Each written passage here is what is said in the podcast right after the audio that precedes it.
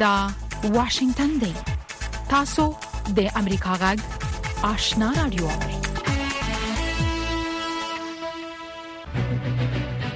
قدرمن اوریدونکو السلام علیکم زه شافیا سردار یم دا د امریکا جغ آشنا را دوه خبرونه پیل شوه لومړی به خبرونه واوري ویان احمد الله چوال ملګرو ملتونو یو ځل بیا له طالبانو غوښتي چې د خزو او جنونو پر ضد له هغو ټولو کړونو لاس واخلي چې د دوی ازادي محدودوي او له هغو طالب چارواکو سره دې حساب کتاب وشي چې له ښځو او نجونو سره د سیستماتیک توپیري چلند مسول دي. ملګرو ملتونو په یوه غونډه کې چې په جنیوا کې جوړه شوې وه، افغانستان کې د بشري حقونو په اړه د دې سازمان د ځانګړي رپورټر ریچارډ بینټ، د ښځو او نجونو سره د زور زیاتي د مخنیوي ځانګړي رپورټرې او د ملګرو ملتونو نورو اړوندو چارواکو او کارپوهانو برخه لرله. په افغانستان کې د خوړو نړیوال پروګرام وايي چې سږکال هم د تېر دوه زره درویشت کال په څېر د بودیجې د کمښت له کبله د نیمايي هغو کسانو لاسنیوی نه شي کولی چې د نړیوالو بېړنیو بشري مرستو ته اړ دي. د خوړو د نړیوال پروګرام مطبوعاتي مسؤل بېګا ازادۍ راډیو ته ویلي، د ملګرو ملتونو دې ادارې غوښتل چې د دوه زره درویشت کال له نومبر څخه د روان کال تر اپرېل میاشتې پورې له شاوخوا شپاړس میلیونو اړو کسانو سره بشري مرستې وکړي، خو اوس له یوازې اووه میلیونه خلکو سره د مرستې توان لري. د بخښنې نړیوال سازمان له طالبانو غوښتي چې د پوهنې په برخه کې دوه فعالان، احمد فهیم عظیمي او صدیق الله افغان چې د تېر کال په اکتوبر کې یې نیولي، سمدستي له بنده خوشې کړي. دې سازمان پرون ناوخته د طالبانو حکومت د استخباراتو رئیس عبدالحق وثیق ته په یوه لیک کې لیکلي، په دې دوو تنو په درواغو تور پورې شوی چې له افغانستانه یې د نجونو د روباټیک ملي ټیم تېښتې ته زمینه برابره کړې او تر څنګ یې د معترضو نجونو او ښځو د لاریونونو په تنظیم کې مرسته کړې. خو د بخښنې نړیوال سازمان وايي، دې دوو فعالانو او د هغویو کورنیو دا تورونه رد کړي دا اداره زیاتوي، طالبانو فهیم عظیمي او صدیق الله افغان په ډسمبر کې د دوی له قوله ناعادلانه محاکمه کړل او بیا یې د څرخي پله زندان ته ولېږدول. د بریتانیې پولیسو د هغه تورن افغان کډوال د موندلو لپاره هڅې پیل کړي چې یوه ښځه او د هغې دوه لوڼې د کیمیاوي موادو په کارولو سره ټپي کړي. د عبدل ایزدي په نوم دا پنځه دېرش کلن افغان تورن دی چې د چهارشنبې پر ورځ یې پر دې مېرمن داسې برید وکړ چې ښايي ژوند یې بدل شي. پولیسو ویلي دي چې د ټپي مېرمنې حالت نازک دي، خو د هغې د دوو لوڼو وضعیت ښه دی. د بریتانیې رسنیو د راپورونو له مخې ایزدي یو ځل مخکې په دوه زره اتلسم کال کې هم د جنسي تشدد په قضیه کې محکوم شوی و، خو بیا هم د بریتانیې حکومت د ده د سیاسي پناه غوښتنه ومنله. له امریکا غږ څخه خبرونو ته دوام ورکوو. تمه ده چې د امریکا د متحده ایالتونو د بهرنیو چارو وزیر انتوني بلینکن سر له ننه د منځني ختیځ د بحران په تړاو د خبرو لپاره سیمې ته ولاړ شي. انتوني بلینکن به تر پنجشنبې په سیمه کې وي او په دې موده کې به سعودي عربستان، مصر،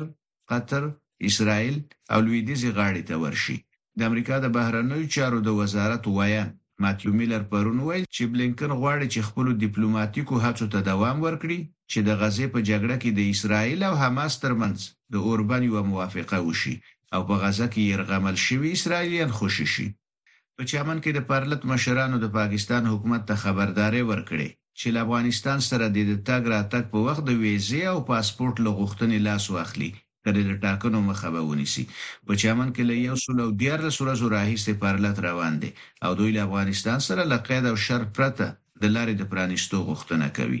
د دې پرلت ویاند صادق خان اڅکزي امریکا غږ ته وویل، که لاره خلاصه نه شي په خپله سیمه کې هیچا ته اجازه نه ورکوي چې د فبروري په اتمه په ټاکنو کې برخه واخلي. د لوبو له ډګره وروستی خبر دا دی چې د افغانستان او سریلانکا ترمنځ د یواځنۍ ټېسټ لوبې مسابقې په دویمه ورځ د دغه هېواد په پلازمېنه کولمبو کې روانې دي. د لوبې په دویمه ورځ نوید زدران نشان مدوشکا وسوځاوه او دا یې په ټېسټ لوبو کې لومړنۍ وېکټه شوه. د ده ترڅنګ نجات مسعود او قیس احمد هم یو یو لوبغاړی وسوځاوه. د لوبې په لومړۍ ورځ سریلانکا د پچې له ګټلو سره افغانستان ته د منډو جوړولو بلنه ورکړې وه. افغانستان د ټولو لوبغاړو په سوځېدو سره په لومړۍ پاڼۍ کې یو سلو اته نوي منډې جوړې کړې وې. دا و د دې ساعت خبرونه چې تاسو ته مو په واشنګټن کې د امریکا غږ له سټوډیو وړاندې کړل.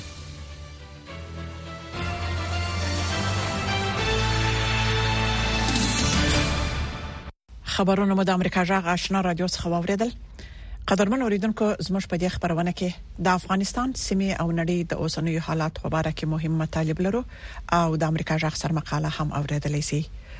را به سودی راپورته چې د طالبانو د حکومت د صنعت او سوداګرۍ وزارت وایي چې په تیر 2023م کال کې د افغانستان او منځنۍ اسیا د هیوادونو ترمنځ د سوداګرۍ کچه 1.4 میلیارډ ډالر ته لوړه شوې و خو دا وزارت وايي، افغانستان تېر کال یوازې د سلو میلیونو ډالرو په ارزښت منځني اسیا هېوادونو ته صادرات درلودل. په دې باره کې له کابل څخه زموږ خبریال اکرام شینواري رپوټ رااستولی. د طالبانو د حکومت د صنعت او سوداګرۍ وزارت وايي چې په تېر دوه زره درویشتم کال کې د افغانستان او منځنۍ اسیا هېوادو ترمنځ د سوداګرۍ په کچه کې د پام وړ زیاتوالی راغلی. راغلي د دغه وزارت ویاند اخوندزاده عبدالسلام جواد رسنۍ ته په یو استولي ویډیو پیغام کې ویلي چې تیر کال د افغانستان او منځنۍ اسیا ترمنځ د سوداګرۍ د راکړې ورکړې کچه څه باندې 1.4 میلیارډ ډالر ته رسیدلې و به ارزش یک میلیارد و 481 میلیون دلار صادرات و واردات صورت گرفته است که از این میان در حدود 100 میلیون دلار صادرات و یک میلیارد و 381 میلیون دلار هم واردات است اکثر اقلام صادراتی ما میوه های تازه، میوه های خشک، انواع جوس، سنگ تالک، کچالو، پیاز، نباتات طبی و هنګ است. افغانستان د منځنۍ اسیا د څو هېوادو څخه غنم، تېل، ساختماني او خوراکي مواد واردوي. د سوداګرۍ او د پانګونې د خونې مدیره پلاوي غړی خانجان الکوزی وایي چې افغانستان تر ډېره منځنۍ اسیا د هېوادو څخه ساختماني او خوراکي توکي واردوي. مرکزي اسیا څخه د افغانستان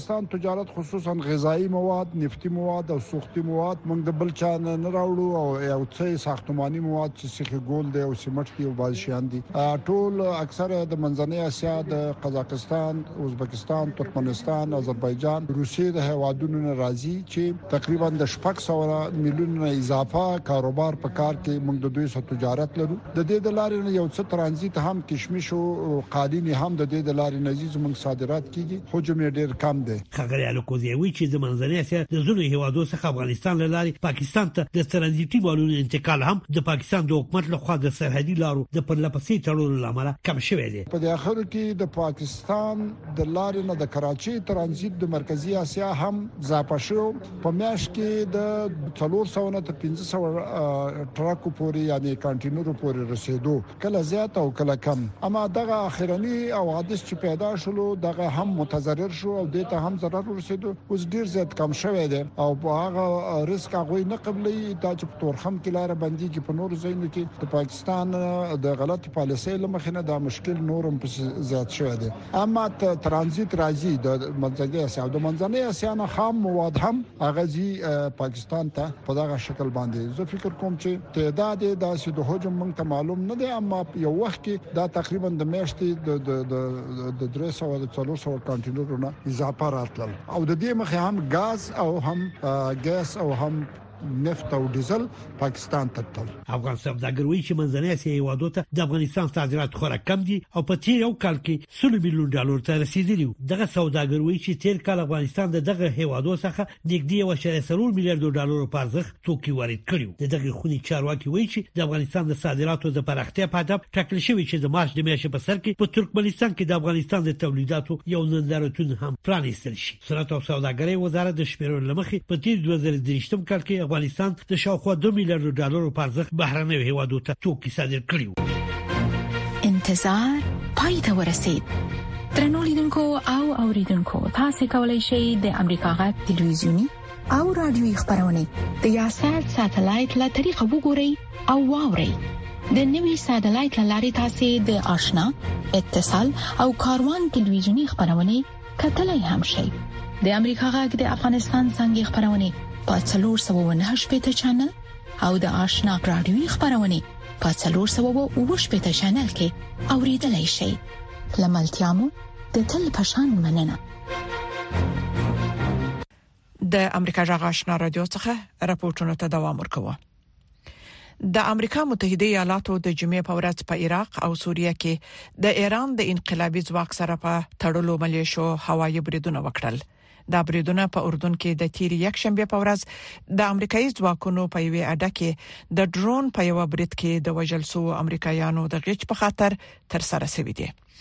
پرونی بریدونه سمدستي وروسته له هغه تر سره شول چې د امریکا جمهور رئیس جو بایدن د امریکا د هوایي ځواک په یوې اډه کې د وژل شوو پوځیانو د پاتې شونو د درناوي په مراسمو کې ګډون وکړ نور تفصيل پر پورت کې ووري لالوتکو او وګد واټن وشتونکو توغندیو څخه په ګټه اخیستنې امریکایي پوځ د جمعې په ورځ په سوریا او عراق کې درې سیمې پنهخه کړې دي د امریکا ولسمشر د دغو بریدونو امر ورکړی وو امریکایي پوځ په ټوله کې د ایران د انقلابي ځواک سره د قدس ځواک او نورو ملیشو پر وړاندې 15 اتیا بریدونه ترسره کړل د امریکا د ګډو عملیاتو رئیس په ټلیفوني اړیکه کې وویل دا به ورستي عملیات نه وي اوس مهال زموږ الوتکې خوندي راستنې شوې دي. زه په دې اړه چې راتلونکي کې به څه وخت عملیات ترسره کېږي، څه نه وایم. په دغو عملیاتو کې د ملیشو ډلو او د هغوی د ملاتړو د ایران د انقلابي ځواک د ډلې د قوماندې او عملیاتو مرکزونه، استخباراتي مرکزونه، توغندي او راکټونه، د ډرون ګودامونه، لوجستیکي او د مهماتو ګودامونه په نښه شوي. له عملیاتو څه کم درې ساعته مخکې د امریکا ولسمشر او لومړۍ مېرمن د وژل شویو دریو احتیاطي عسکرو د انتقال په مراسمو کې ګډون وکړ.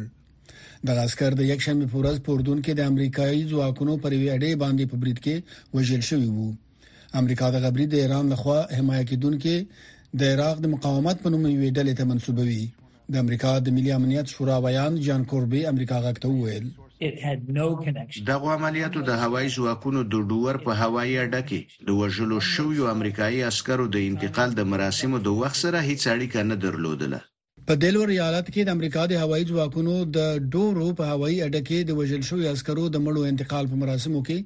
د دوی د کورنۍ غړو د امریکا د دفاع وزیر او د جورجیا ایالت د کانګرس غړو ګډون کړی وو دغه وژل شوی عسكر د جورجیا ایالت اوسیدونکو وو د امریکا ولسمشر د وژل شوی عسکرو د کورنۍ لغړو سره لدې مخ کې هم خبرې کړې وې شین کاشکې چې زه دې زنګ وهلو ته نه وې مجبور شوې زه په هیګم چې داسې هیڅ شی نشته چې یو څوګ یو وای او ستاسو غم پر راکم شي دا مهال د امریکا ولسمشر په غزا کې د اسرایل او حماس ترمنځ یو داسې لانجې چې ټول سیمه ته د خبرېدو خطر متوجې دي سره مخ دی دا تر ډیره بریده لدې سره تړاو لري چې ایران د امریکا وروستیو بریدونو ته څه ډول جواب وایي د دې سره هممهاله بایدن او د حکومت نورو چارواکو په وار وار ویلي چې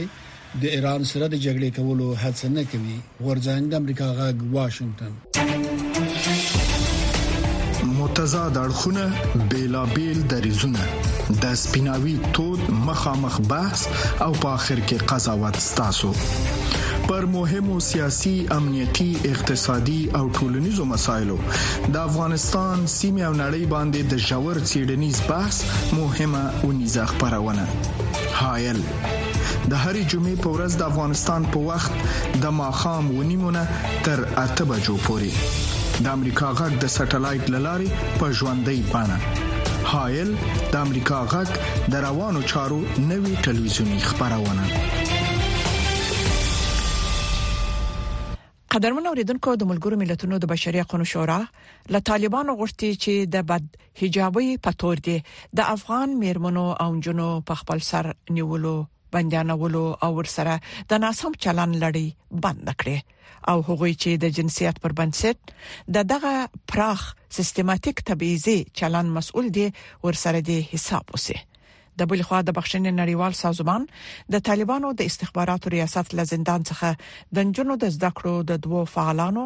احمد فهیم عظیمی او صدیق الله افغان د خوشی کېدو غوښتنه کړې ده دوی د تیر میلادي کال په اکتوبر میاشت کې نیول شوی و نور تفصيل پر رپورت کې واوري د ملګرو ملتونو د بشري حقوقو شورا د کارپوهان لخوا په ایو اعلامیه کې د طالبان لخوا په افغانستان کې د بدحجابۍ په نوم په خپل سر د خزو انجونو نیولو په بند کې اچولو او ورسره د ناسم چلن په تړاو په خبرو شوی راپورونو ژوره اندېښنه خوده لیده دغو کارپوهانو طالبانو غوښتي چې د بدحجابۍ په تور په خپل سر د ازادۍ څخه د ښځو او نجونو د محرومولو ټول اقدامات ودروي او په عاجل ډول دې هغې ښځې او نجونې چې لا هم په بند کې دي خوشې کړي. د راپورونو پر اساس په ګڼمېشتو سیمو کې ښځې او نجونې د پولیسو په مرکزونو کې نیول شوي، په ورځ کې یو ځل ورته خواړه ورکول شوي، د هغوی ځینې د فزیکي تاوتریخوالي سره مخ شوي، تهدید او ډارول شوي دي. د طالبانو حکومت لا تر اوسه د ملګرو ملتونو د بشري حقوقو د کارپوهانو دغه اعلامیې ته غبرګون نه دی ښودلی. حجاب بهانه است، هرچی زنان نشانه است، هشدار، هشدار! یو شمېر معترضې مېرمنې وايي، په ټولنه کې د مېرمنو د حضور له منځه وړلو لپاره بدحجابي یوه بهانه ده. طالبان همه روزه سعی میکنند که ارسل بر زنان در افغانستان سخت تر بسازند و سعی میکنند که زنان و دختران را به طور کامل از جامعه افغانستان حذف نمایند یو شمیر نور میرمنې وایي چې طالبان خپل اهداف ته د رسیدلو لپاره میرمنې وسیله کړې دي. طالبان با دختران و محروم ساختن آنها از حقوق اولیهشان یکی از جنایات طالب در این سرزمین است طالبان به خاطر رسیدن به اهدافشان زنان و دختران افغانستان را وسیله قرار داده است بلخوا د بخښن نړیوال سازمان د نجون د زده کړو د حقوقو د فعالانو په خپل سرنیول د بشري حقوقو د نړیوالو قوانینو خلاف بللی او د طالبانو له بند څخه د دوو فعالانو احمد فهیم عظیمی او صدیق الله افغان د ژر خوشی کېدو غوښتنه کړې ده طالبان دا دوه فعالان د تیر 2023 کال د اکتوبر په 18مه د کابل په کارتچار سیمه کې په خپل دفتر کې نیولې دي طالبان د تل په څیر د دغه دوه فعالانو د نیولو په تړاو هیڅ معلومات د رسنیو سره نه دي شریک کړي په افغانستان کې د ملګرو ملتونو مرستندوی پلاوی دفتر یا یوناما د جنوري د میاشتې په دوه ویشت مه په یو راپور کې ویلي وو چې طالبان د ښځو د حقونو د فعالانو، بشري حقونو مدافعانو، خبریالانو او د رسنیو کارکوونکو نیولو ته دوام ورکړی دی. وحید فیضي، د امریکا غږ.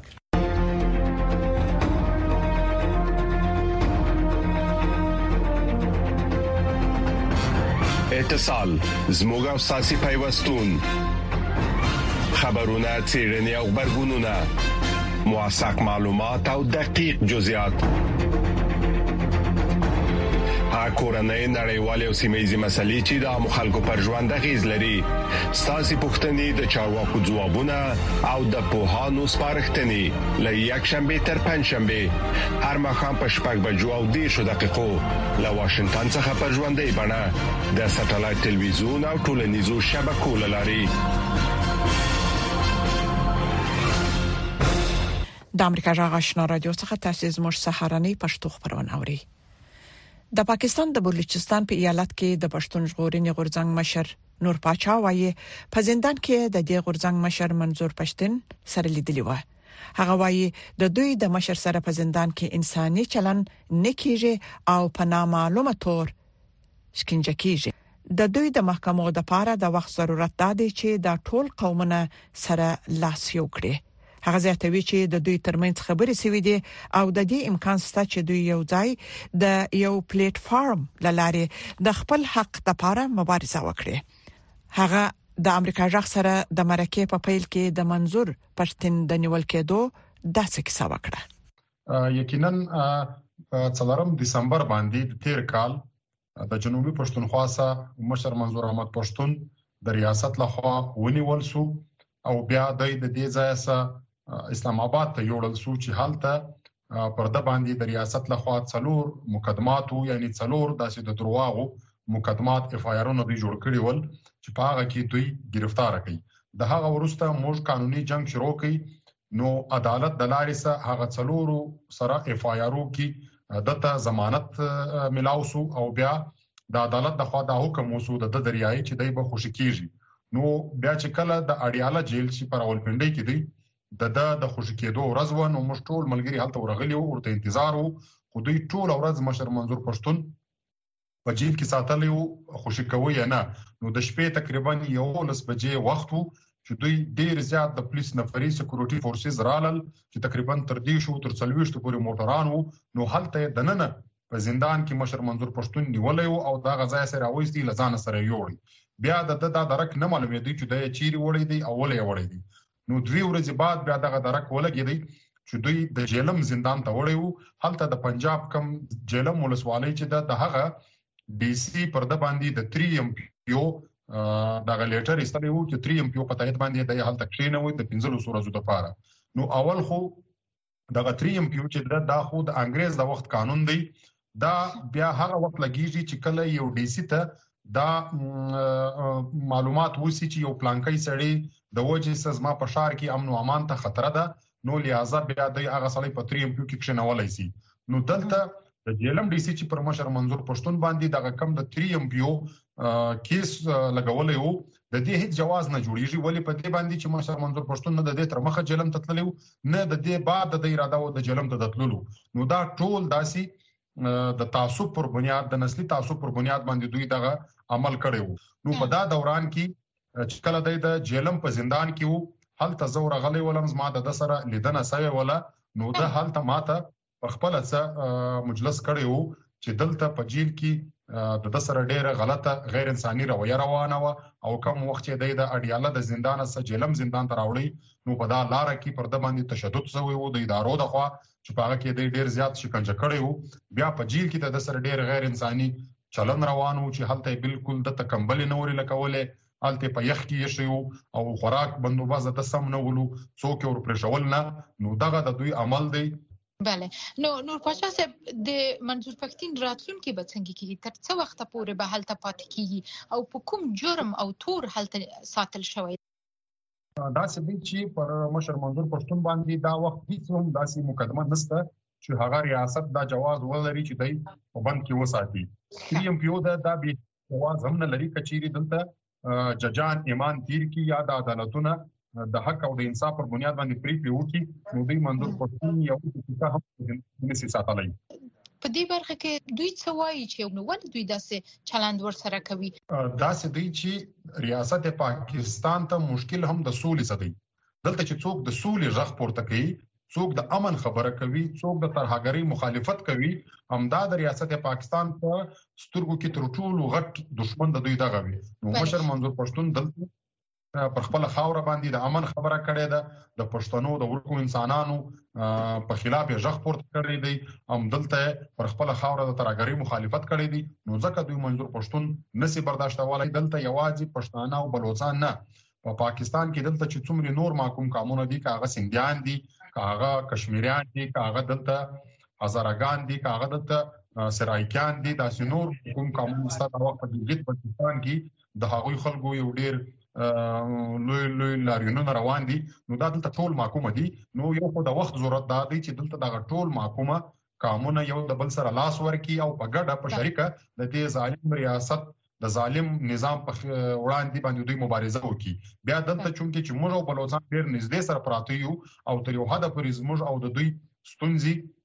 یو رقم دي د دوی هم انسانان ورک دي زموږ هم ژوندي انسانان ورک دي د دوی په وطن کې هم بدامني ده زموږ په وطن کې هم بدامني ده د دوی په وطن کې هم ریاست داسې خلک ساتلي دي چې هغه ته ډیت سکواډ وایي چې هلته څوک د سولې ژغ پورته کوي دوی هغه په وجني زموږ په وطن کې هم دا حال دی نو زموږ او د دوی داسې په یووالي په ګډه باندې یو مبارزه ډیره په اسانه کېدلی سي او په دا حق لزموږ او د دوی ترمنځ ډیری خبرې اترې سوي دي او لا اوس هم روانې دي نو امکانات داسې شته چې موږ او په ګډه د یو پلیټ فارم ته مبارزه وکړو او د ریاست د دغه ظلم په شکل باندې ودرېږو او د نړۍ هغه ملکونه چې په جګړو کې ښکیل دي د جګړو د ګټلو په فکر کې خو د جګړو د لاسه چاپیریال ته پیښ خطر ته متوجه نه دي د چیرونکو په وینا اوکرين په غزا او نورو برخو کې روانو جګړو په چاپیریال هم ډېری منفي اغیزې کړې دي او دوی هڅه کوي چې د دې زیان په اړه معلومات راغونډ کړي نور حال په دې رپورت کې په غزه کې د جګړې له کبله د څه باندې یو سلو اویا زرو ودانیو زیان منېدل یوازې یو بشري ناورین نه دی بلکې په دې سره چاپیریال ته هم ستر زیان رسیدلی دی دا سه اټکل کېدای شي چې په دې نړیدلو ودانیو کې د کیمیاوي موادو ذخیره اوسي یا د تیلو ټانکونه وي او یا هم نور مزره مواد د دې سیمې د اوبو زیرمې په خوانه هم زیانمنوي او جګړې ورته نور هم ضرر رسولې دي ساینسپوهان هڅه کوي چې د اوکراین او منځني ختیځ جګړو نه چاپیریال ته رسیدلی توان په اړه هم څېړنې وکړي دوی ځنګلونو ته د لګیدلو اورونو او وسلونو پیدا شوې ککړتیا د غزيان په اړه پلټنې کوي چې انسانانو او حیواناتو ته د پام وړ ګواښ پیښوي هر شی چې چاودیدونکو ده کله چې چاودنه کوي کولای شي نوې اور لګیدنه رامنځته کړي بې له شکه چې نور کیمیاوي مواد زیاتوي. بلخوا په اروپا او امریکا کې څېړونکي په دې څېړنې کوي چې زهرجنو ګازونو تولید چاپېریال ته څومره زیان رسولی دی. تاسې د زهرجنو ګازو د خپرېدو کچه مستقیماً نه شئ معلومولی، تاسې یې د تېلو له اندازې چې څومره کارول شوي او یا د اور له کچې معلوموئ. بناءً، موږ مختلفې منابع لرو. څېړونکي په دې ډېر ټینګار کوي چې باید په نړیواله کچه د اقلیم د بدلون خلاف یوه شریکه مبارزه وشي که موږ له تیرو څو کلونو څخه څه نه وي زده کړي، د سیلابونو څخه نیولې بیا تر سختې ګرمې هوا او کرنیزو ځمکو ته د زیانونو له رسیدو څخه، تاسې پوهیږئ چې دا ستاسې د دروازې مخې ته دي. د امریکا پوځ چې په اوکرين او غزه کې د جګړو ملاتړ کوي وایي چې دوی د جګړو نه چاپیریال ته رسیدلي زیان ته هم متوجي دي when it comes to climate change کله چې د اقلیم د بدلون او د اغیزو موضوع وي نو دا وزارت په ډیر روښانه ډول دا موضوع په خپل ملي دفاعي ستراتیژي کې هم شامله کړي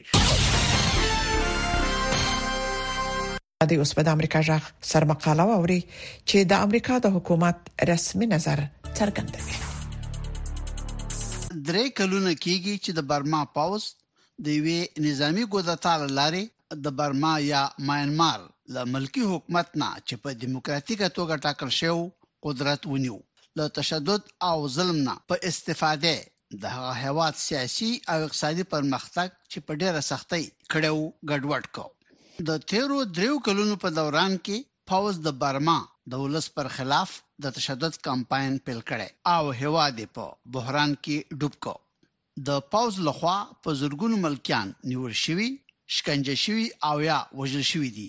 دوه نیم میلیونه خلک له خپلو کورونو نه بې کوره شوي او اتلس میلیونو نه زیات خلک دا وخت بشري مرستو ته اړ دي. متحده ایالاتو په برما کې د پوځي کودتا د درېیمې کلیزې په مهال دغه هېواد د پوځ پر خلاف فشار سېوا کړ. یو وارې بیا یې د عوایدو هغه سرچینې د بندیزونو هدف وګرځول چې د ملکی وګړو په خلاف د برما د پوځي رژیم د اقداماتو ملاتړ کوي او دوه کمپنۍ چې له رژیم سره نږدې اړیکې ساتي د بندیزونو په لیست کې نیولې دي د دې جملې نه یو کمپنۍ شویباین پایو کمپنۍ وډاله ده چې د اس بي پي جي په مخفف شهرت لري دا کمپنۍ د برما د پوز لپاره پټرولیم او نور لوژیستیکي خدمات برابروي. د دې کمپنۍ بنسټ ایښودونکی، د هغه ښځه او دوه بالغ زامن هم د بندیزونو په لیست کې شامل شو. د ماینمار فایو سټار لاین په نوم د کښتۍ چلولو پر یوې کمپنۍ باندې بهرنیو اسعارو ته د لاسرسي درلودلو په برخه کې د برما د پوځ لپاره د اسانتیاوو برابرولو او د نورو هغو موادو او وسایلو په واردولو کې د مرستې له امله بندیزونه ولګول شو چې په برما کې دننه د وسلو جوړولو لپاره ورنه استفاده کیږي سربېره پر دې متحده ایالاتو د نړۍ د و نورو هیوادونو د بهرنیو چارو له وزیرانو او د اروپאי اتحاد له لوړپوړو استازو سره په ګډه یو بیانیه جاری کړه او په سختو ټکو پر ولس باندې د پوزي رژیم د روانو ظلمونو او له بشري حقوقو د سرغړونو غندنه وکړه هغوی د برما په پوځ یو ځل بیا غږ وکړ چې خپل روش بدل کړي، د ملکیانو پر خلاف تشدد په فوري توګه بند کړي، بې ګناه قیدیان دې له بند نه ازاد کړي، بشري مرستو ته د بشپړ لاسرسي اجازه دې ورکړي او د ټولشمولې مفاهمې او ډیالوګ په غرض دې اړوندو لورو ته فرصت برابر کړي. د متحده ایالاتو د بهرنیو چارو د وزارت ویاند په برما یا ماینمار کې د پوځي کودتا د درېیمې کلیزې په مهال په یوې مطبوعاتي بیانیې کې وویل چې موږ تل د برما د ولس او د خپلې لارې د غوره کولو لپاره د هغوی د استعداد او قابلیت ملاتړ کړی او تاسو ولیدل چې موږ په دې اړه نن عملاً ګامونه پورته کړل. میلر زیاته کړه، موږ پر پوځي رژیم باندې خپل اقتصادي او سیاسي فشار زیات کړی، په دې لړ کې پر هغو دولتي شرکتونو د محدودیتونو لګول شامل دي چې ملکیانو ته د تاوان رسولو او وژلو په برخه کې د پوز لاس پیاوړی کوي د بهرنۍ چارو د وزارت ویان میتیو میلر زیاته کړه چې موږ به د رژیم د مخالفانو ملاتړ ته دوام ورکو او د دې شخړې د پای ته رسولو لپاره د یو داسې حل د موندلو کوشش به کوو چې په واقعي معنا یوې ټول شمولي